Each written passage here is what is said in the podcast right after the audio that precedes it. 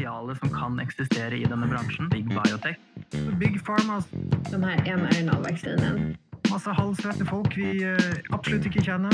En miljard doser i löpet av 2021. Fantastisk tall. Stor eh, mängd bolag. Globalt perspektiv. Helt ny måte att laga vacciner på. Jag kan prata i timmar om.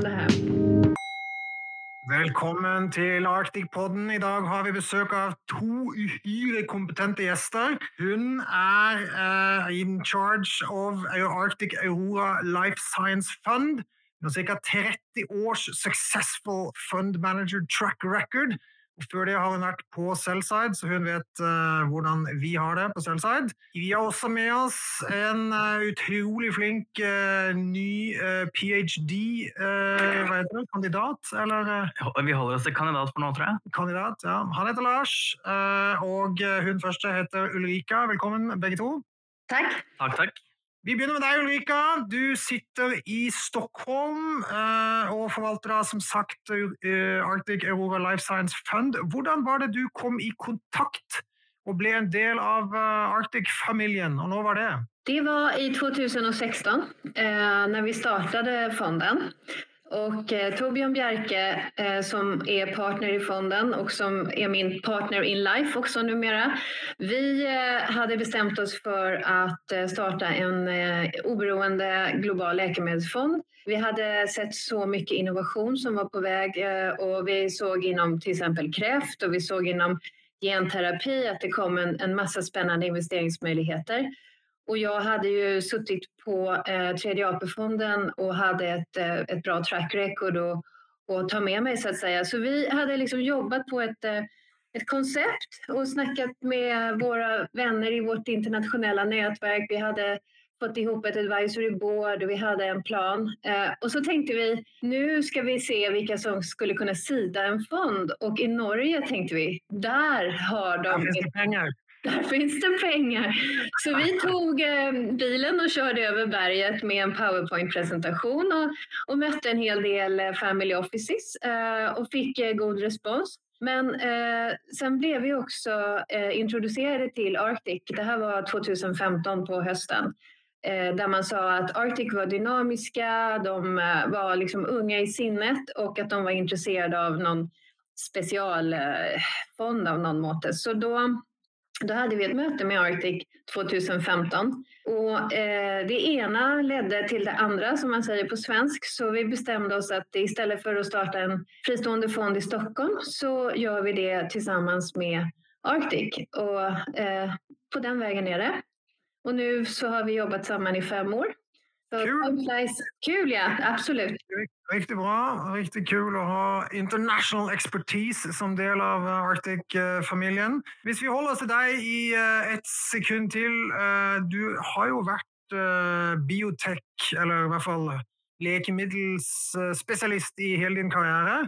Begynte jo som sagt på Cellside, Carnegie, fine firmaen, og så da i AP3 osv. Men du gick på Handels. Mm, jag gick på Handels och eh, du introducerar ju mig som att jag har jobbat i väldigt många decennier så det känns som det var på stenåldern. Men jag gick på Handels och när jag eh, var på väg ut och bli färdig civilekonom så var Astra superpopulärt eh, in the spotlight för att de skulle lansera sin magsårsmedicin Losec som blev en jättestor framgång för dem. Det var liksom transformerande. Och när jag då kom till min första arbetsgivare som finansanalytiker, för jag visste jag ville jobba med aktier. Då frågade de vilken sektor vill du ha? Ja, men jag vill ha farma, sa jag.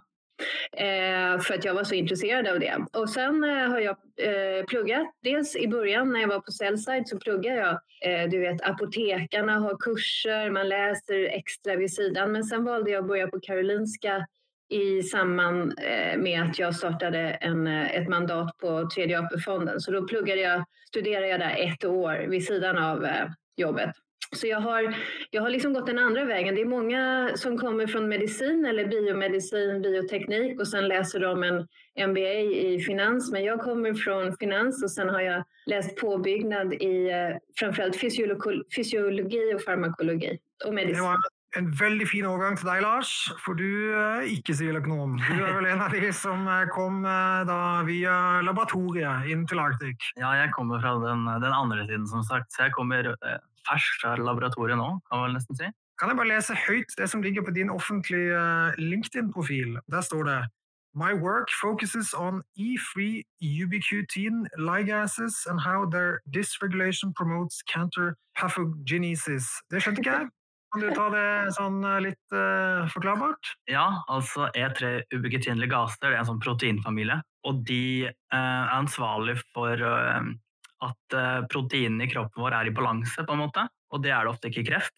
Da har du ofte oppregulering eller nedregulering av forskjellige proteiner. Så vi undersøker da disse ligasene for å se om noen av de forårsaker eller medvirker til kreft, og om noen av de egentlig skal motvirke kreft, og om, vi da kan, eh, om det da kan være fremtidige medisinske kandidater eh, i kreft. Da. Skjønner fortsatt ikke helt, men Forrige uke hadde vi Jon Gunnar Pedersen i studio, og han sa eh, at da han ble ansatt i Orkla Finans eh, i 1984, 94, så var han litt odd, eller the odd man out. Eh, Lars, føler du deg litt eh, kalle, annerledes kvalifisert enn mange av de du møter eh, ex-covid i kantinen på Arctic? Ja, eh, det er nok en mye større kompetanse og kunnskap om eh, accounting og det finansielle og, og, alle de bitene, mens jeg det, hovedsakelig er, skal liksom være ekspert innenfor eh, faget. Og så må man jo da plukke opp alt det andre eh, ved siden av. Så ja, litt odd man out. Det er jo en veldig fin ting å være ekspert på lekemiddel og farmasi i disse tider. Da. Eh, så Ulrika, nå har vi jo fått den eh, spennende situasjonen at eh, Sverige har stengt grensen til Norge. Det, det, er lov å le. Ehm, vi har jo da fått uh, mutasjon av eh, covid i eh, Nordre Follo, som er nærme nok til Oslo, og det er full lockdown i Oslo. Du, bør man være bekymret, syns du, Ulrika? Jag tycker vi ska vara bekymrade generellt över pandemin i och med att den eh, är så svår att eh, trycka tillbaka. Så det tycker jag absolut. Eh, jag tycker man ska ta alla eh, säkerhetsåtgärder man kan göra. Ehm, det jag kan kommentera med att vi har stängt gränsen till Norge. Ehm, det är ju faktiskt så att Norge testar mycket mera sina positiva covid-resultat. Så idag tror jag vi säger att vi har 95 stycken mutationer konstaterade. Eh, förra veckan var det 50 av, av eh, framförallt den engelska mutationen. Men i Sverige har vi så otroligt låg testfrekvens eh, och vi har inte analyserat våra prover. Så att tro att vi bara har 95 stycken eh, tror jag är, är, är, dumt, om jag ska uttrycka mig diplomatiskt.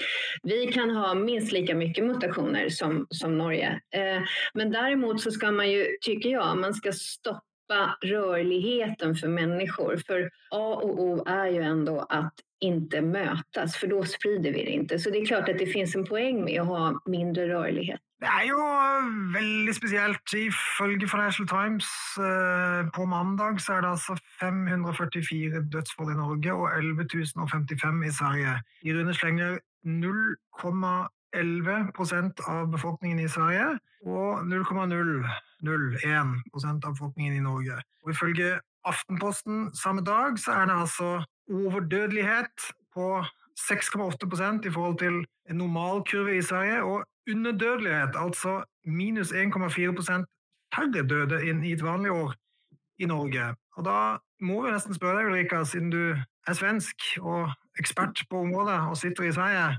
Tegnell, Bäst eller värst? Eh, eh, min personliga åsikt är väl ändå, med disclaimern och allt det där, så är det väl ändå värst.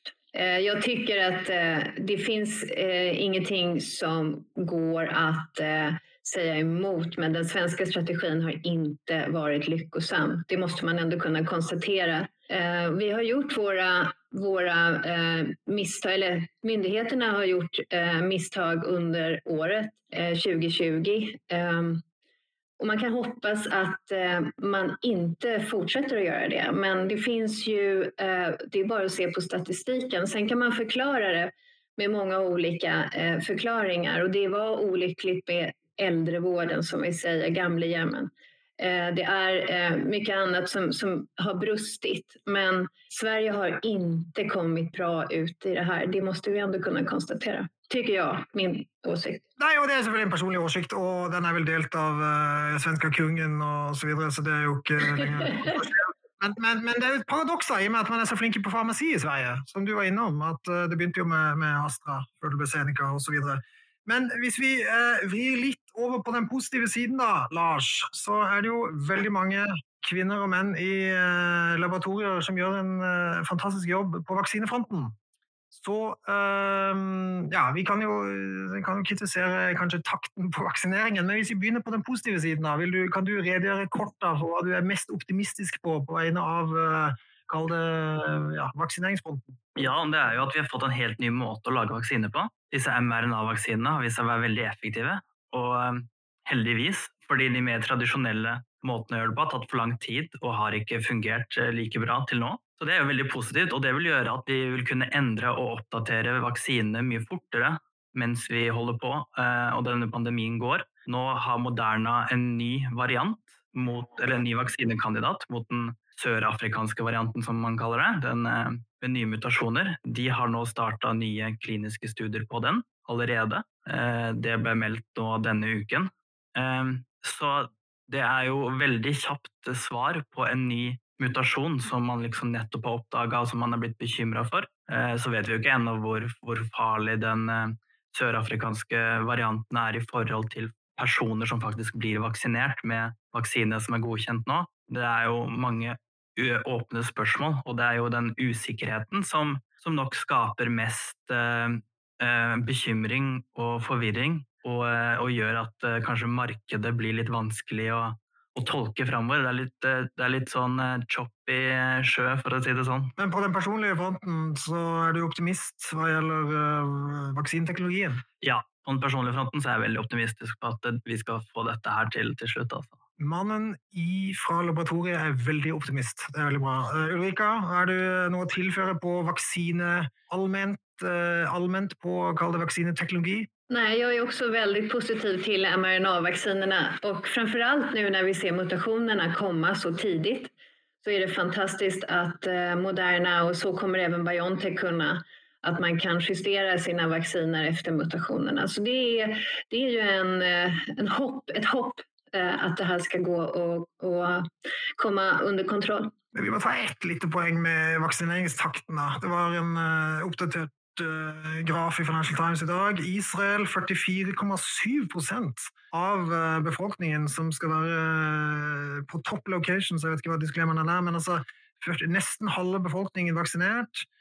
Forente arabiske emirater 27 UK det er et ganske stort land, 11% Ja, og så er det jo pinsomt på Norge og Sverige, vel nede på 1 de, er ikke, de står ikke engang på listen her foran meg. Hva, hva, hva skyldes denne tregheten, tror du, Ulrika?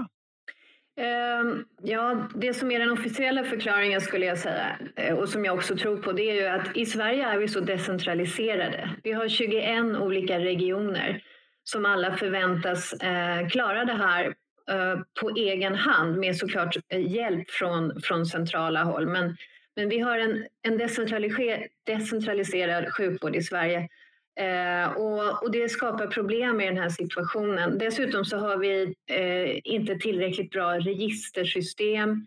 Man har, man har helt enkelt för decentraliserat och då är det svårt att gå ut med starka eh, åtgärder som man gör nu. Eh, så det är en förklaring. Sen i övrigt eh, så är det väl som vanligt att det är en massa byråkrati och eh, en del andra saker som har gjort att det har tagit längre tid. Ehm, man har ju på att diskutera, ganska länge höll man på att diskutera vilka som skulle få först. Och sen när man bestämde sig för vilka som skulle få först, då skulle man sen identifiera de här olika grupperna och dela in i olika grupper. Och det är fortfarande en diskussion och som tur är så har man ändrat sig lite nu så att sjukvårdspersonalen också får vaccin, vilket ju är A och O enligt min mening. Ja, Det virker jo helt uh, obvious for en lekmann som meg. Uh, eh, noen uh, eh, kommentarer på Norge, Lars? Nei, jeg, jeg tror også på sånn globalt perspektiv så er det noen av disse landene, sånn som Israel, var veldig tidlig ute med å sikre seg avtaler. Og flere, flere avtaler, altså før mange av de andre aktørene hadde, hadde ordna. Sånn som EU er jo en, også en stor eh, Hvor Norge får sine vaksiner fra, er jo, eh, er jo en veldig sånn stor aktør, og det skal distribueres derfra. Og, eh, men jeg tror også at eh, det vi har sett som kanskje er litt bekymringsfullt, er f.eks. Serumsinstituttet i India, hvor AstraZeneca sin vaksine, noe av den iallfall, produseres. Ehm, fikk jo da pålegg fra myndighetene i India om at eh, de måtte vente med å skicka ut noen av sine vaksinedoser, som de hadde planlagt å skicka ut eh, via et samarbeid med WHO. Og fikk da beskjed om å vente noen måneder, sånn at eh, India kunne prioritere da å vaksinere egen befolkning i alle fall kritiske punkter av den først. Uff. Det er uh, byråkrati og det er uh, proteksjonisme. Det er ting vi ikke liker. Men uh, det er noen lyspunkter, og da kan vi elegant gå videre litt spesifikt til deg, Ulrika, og din fond Arctic Aurora. Og uh, kan du legge på en ekstra disclaimer? Er selv andelseier, eller har en spareavtale. Ja, respekt. Ja. Sikkert, sikkert ikke av de største eh, i fondet, men, men jeg syns jo at eh, farma er eh, komplisert. Og det, det, er jo selvfølgelig risiko, og, og kan være fornuftig med en, eh, med en, langsiktig spareavtale hvor man ikke er så opptatt av liksom, dager og, og, i hvert fall ikke intradags kursrørelser. Og så er det klart at outsource til eksperter kan være klokt. Din største posisjon ifølge hjemmesiden er eh, Johnson Johnson med 8% vekt i fondet. Der er det spennende ting på gang på vaksinenyhetsfronten, Ulrika. Mm, exakt. Eh, lite grann för att också förklara vår profil kanske på Arctic Aurora Life Science. Så den fonden som vi har förvaltat nu sedan 2016, det är en, eh, en fond som innehåller både biotech, mindre och större biotechbolag och stora läkemedelsbolag. Och tanken med eh, portföljens konstruktion det är att du ska ha en, en väl balanserad portfölj så att du har exponering mot tema innovation, precis som du säger. Du slipper bekymra dig om vad du ska välja. Du vet att eh, det du har investerat i fonden det är mot innovation och sen så har du också det här underliggande demografiska temat med aging population. Men att eh, generellt sett så, så har du en god balans mellan stora och små bolag och då i gruppen stora bolag så är J&J ett, ett bra eh, eh, bolag med många spännande projekt i sin läkemedelsportfölj. Eh, de är ganska defensiva, vilket är, är bra eh, jämfört med då de mindre biotechbolagen, så det skapar en god balans. Eh, och eh, som nu då, som du eh, nämner, så kommer vi att se eh, att även de har vaccindata som de kommer att presentera.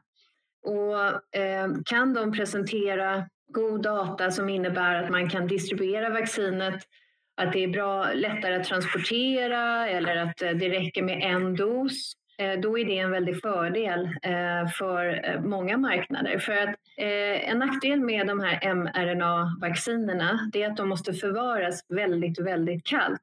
Och det går, det går att göra på centralsjukhus och stora Eh, byar. Men när man kommer längre bort från eh, de större byarna så kan det vara svårt att ha den logistiken. Och därför så är det väldigt bra om man kompletterar de vaccinerna med vacciner som tål att, att eh, transporteras bättre och där det kan räcka med en dos. Men det vet vi inte ännu om det räcker med en dos. Lars, har du sett noe på Johnson Johnson-vaksinen, og hvordan den skiller seg kall det, bioteknologisk fra de andre? Det er jo, um, dette er jo en uh, adenovirusbasert vaksine, i motsetning til de mRNA-vaksinene, som er litt mer lik eh, uh, AstraZeneca sin vaksine i, i hvordan, uh, i hvordan liksom, eh, den leveres. Um, og så er det, men det som er spesielt med denne, som hun sa, det er jo at eh, de undersøker én dose, og det vil jo være en game changer hvis det funker, i motsetning til to doser som må gis over en, en måneds periode. I tillegg til at det å kunne transportere og kjøle den um, og ha den muligens på, i kjøleskapstemperatur vil gjøre det veldig mye lettere å distribuere. Jeg, jeg mener jeg har hørt snakk om én milliard uh, dosering. Altså, det er jo ja, en syvendel av menneskeheten. Det, det er et estimat som jeg tror iallfall var i november, uh, at de skulle kunne produsere opp mot én milliard doser i løpet av 2021. Det er jo et fantastisk tall. La oss uh, håpe, både for Ulrikas fond, men for også for menneskeheten at Johnson Johnson lykkes med, med, den planen der. da.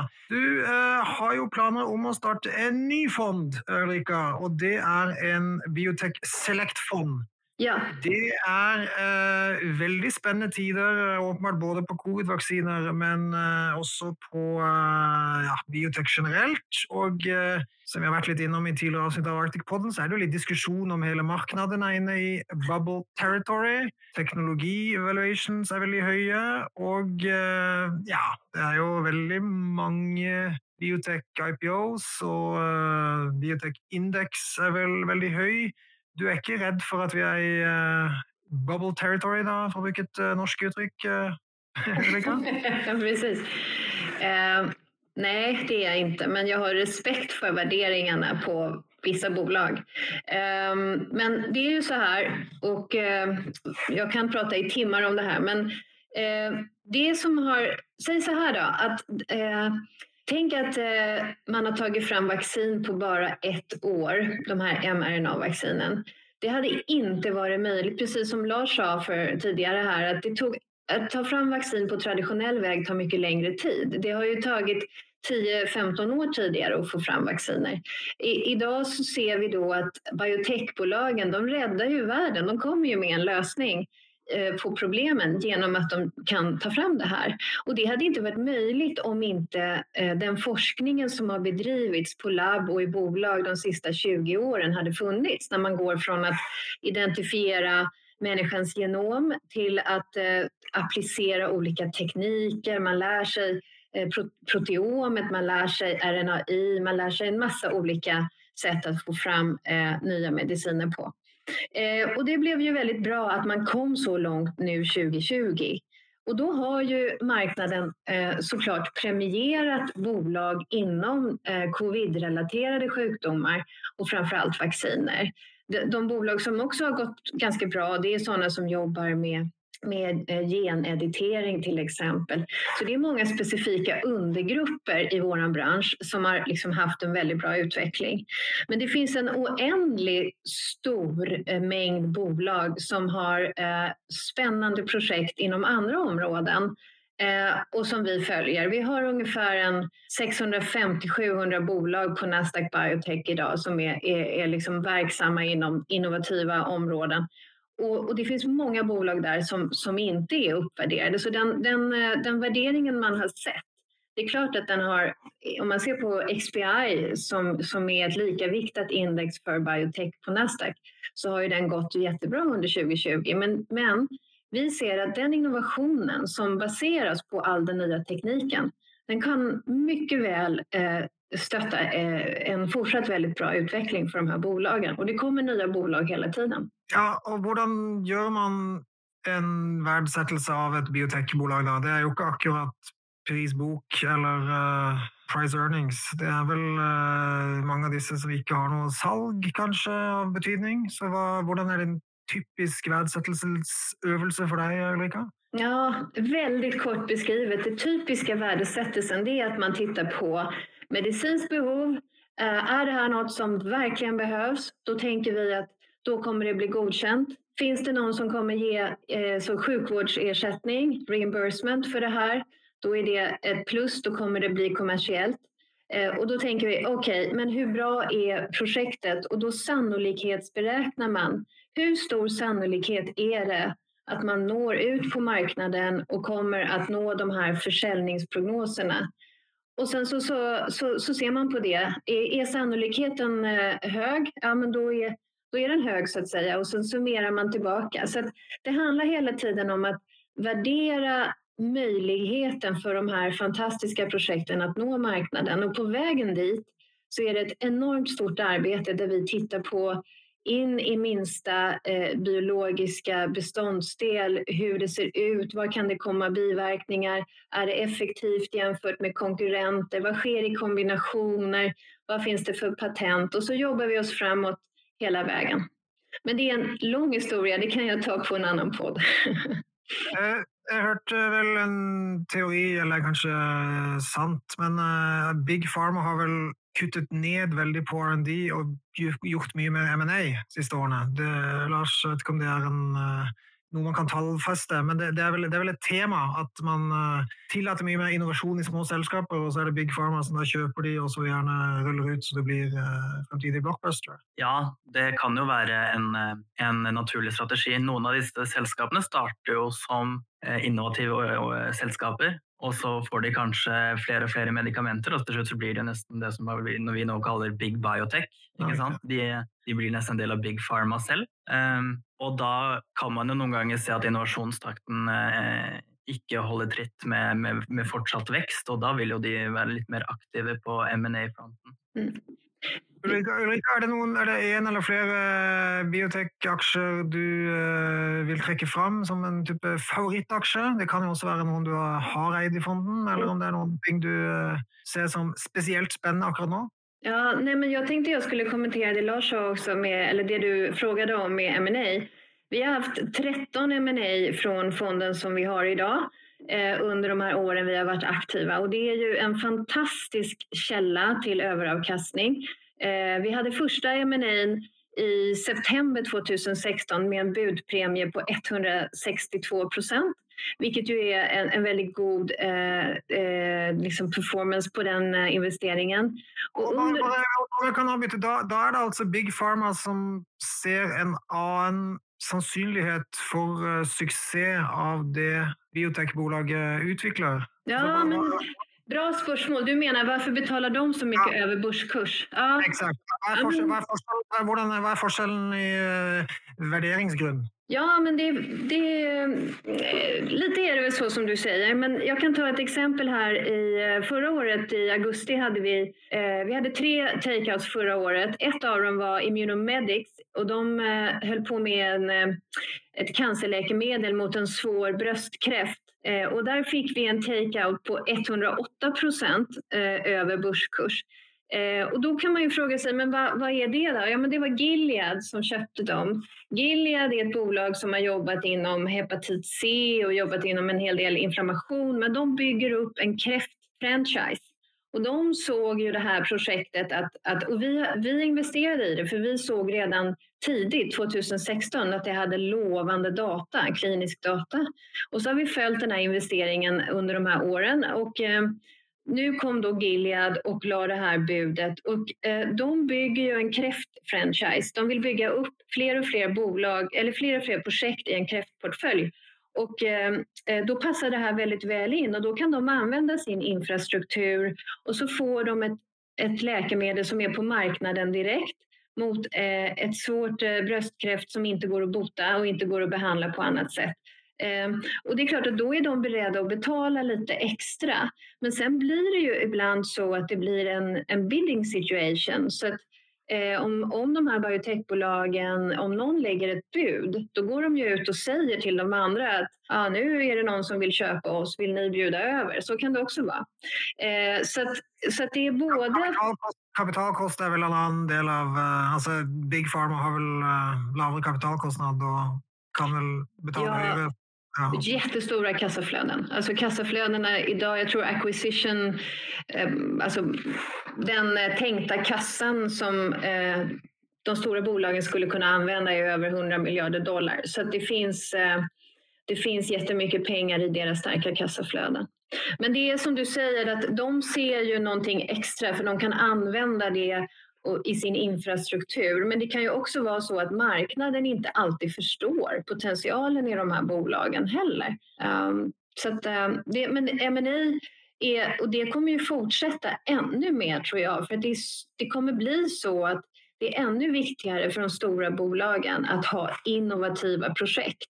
Alltså det senaste inom kräftbehandling, det senaste inom genterapi. Och de forskar såklart på det internt. Men precis som vi snackar om, eh, de kompletterar det med att köpa in.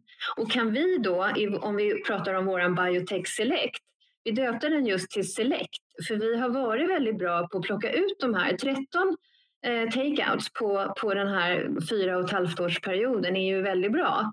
Eh, och vi har varit bra på att selektera vilka är det som är intressanta för de större bolagen. Vilka bolag är juveler som någon vill plocka in? Och, och, det är ett sätt att nå överavkastning i fonden.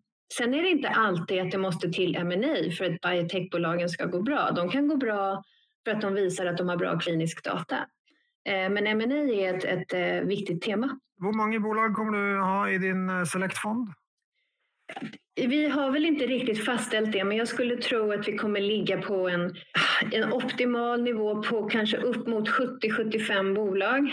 Men alla kanske inte hamnar där från dag ett, utan det är väl liksom mål, målbilden. Riktigt. Bra. Lars, du är ju ansatt som eh, biotech eh, läkemedelsanalytiker eh, här i Arctic, men du har ju som sagt uh, varit i eh, inspurten på din PhD och inte råkat att komma med så många rapporter ännu. Har du eh, allikevel vill du drista dig till att trekke fram eh, en eller flera enkeltaktier som du på generell basis är väldigt imponerad av? Ja, eh, kanskje ikke så nødvendigvis på, på aksjebasis, men jo, jo, også på aksjebasis, men også som selskap, hva de har gjort. Og det kan jo være litt eh, nært og kjært. Det er Genmob, det danske selskapet, som er et eh, plattformselskap i at de har en antistoffteknologi som de bruker til å produsere behandlinger mot eh, hovedsakelig nå kreft. Um, og, eh, og, de har jo hatt en utrolig stigning i sin verdsetting, så i 2011 så kunne du kjøpe den, den aksjen på det laveste i, november, tror jeg, på 26 danske, kronor. kroner. Og i dag så, så, ligger den rundt 2600. Og det, jeg synes den, den, det selskapet der det viser så tydelig potensialet som kan eksistere i denne bransjen, hvis man får klapp. Og nå har jo de avtaler med CGEN, de har avtaler med Johnson Johnson eller, eller, eller Jansen. Eh, og de har avtale med Abvie. Så, så, de er eh, skikkelig on track og er nå liksom eh, kommet opp og blitt en, nesten en del av big biotech i Europa. Et lite selskap har blitt stort. Vi får håpe at det kan komme noen eh, flere sånne, kanskje også fra Norge. Vi eh, runder av. Ulrika, hva gleder du deg mest til når vi er alla vaccinerat och färdig med covid? Ja, jag glädjer mig till friheten att kunna ta mig ut från Stockholm. Ja. I Oslo då? Eller det var jag menar det. Jag vill inte säga det, men absolut är det ju så. eh, Lars, vad gläder du dig mest till? Nej, jag, jag, vet inte helt. Jag är inte helt säker, men vad med dig? Ja? Tack Lars. Eh, du, jag gläder mig mest till att gå på konsert. Tenk eh, når eh, streite eh, familiefedre som meg og Fridtjof Berents står og hopper opp og ned sammen med masse halvsvette folk vi absolutt ikke kjenner, til Ebba Grønn og valentinerne. Det er endorfiner, det er ekte glede, og dit skal vi. Dit skal vi. Dit skal vi. Takk Ulrika, takk Lars. Takk selv. Denne podkasten og dets innhold skal anses som markedsføringsmateriell fra Arctic og må ikke oppfattes som investeringsanbefaling eller som investeringsanalyse. Innholdet i podkasten skal ikke anses for å være investeringsrådgivning tilpasset den enkelte kundes behov.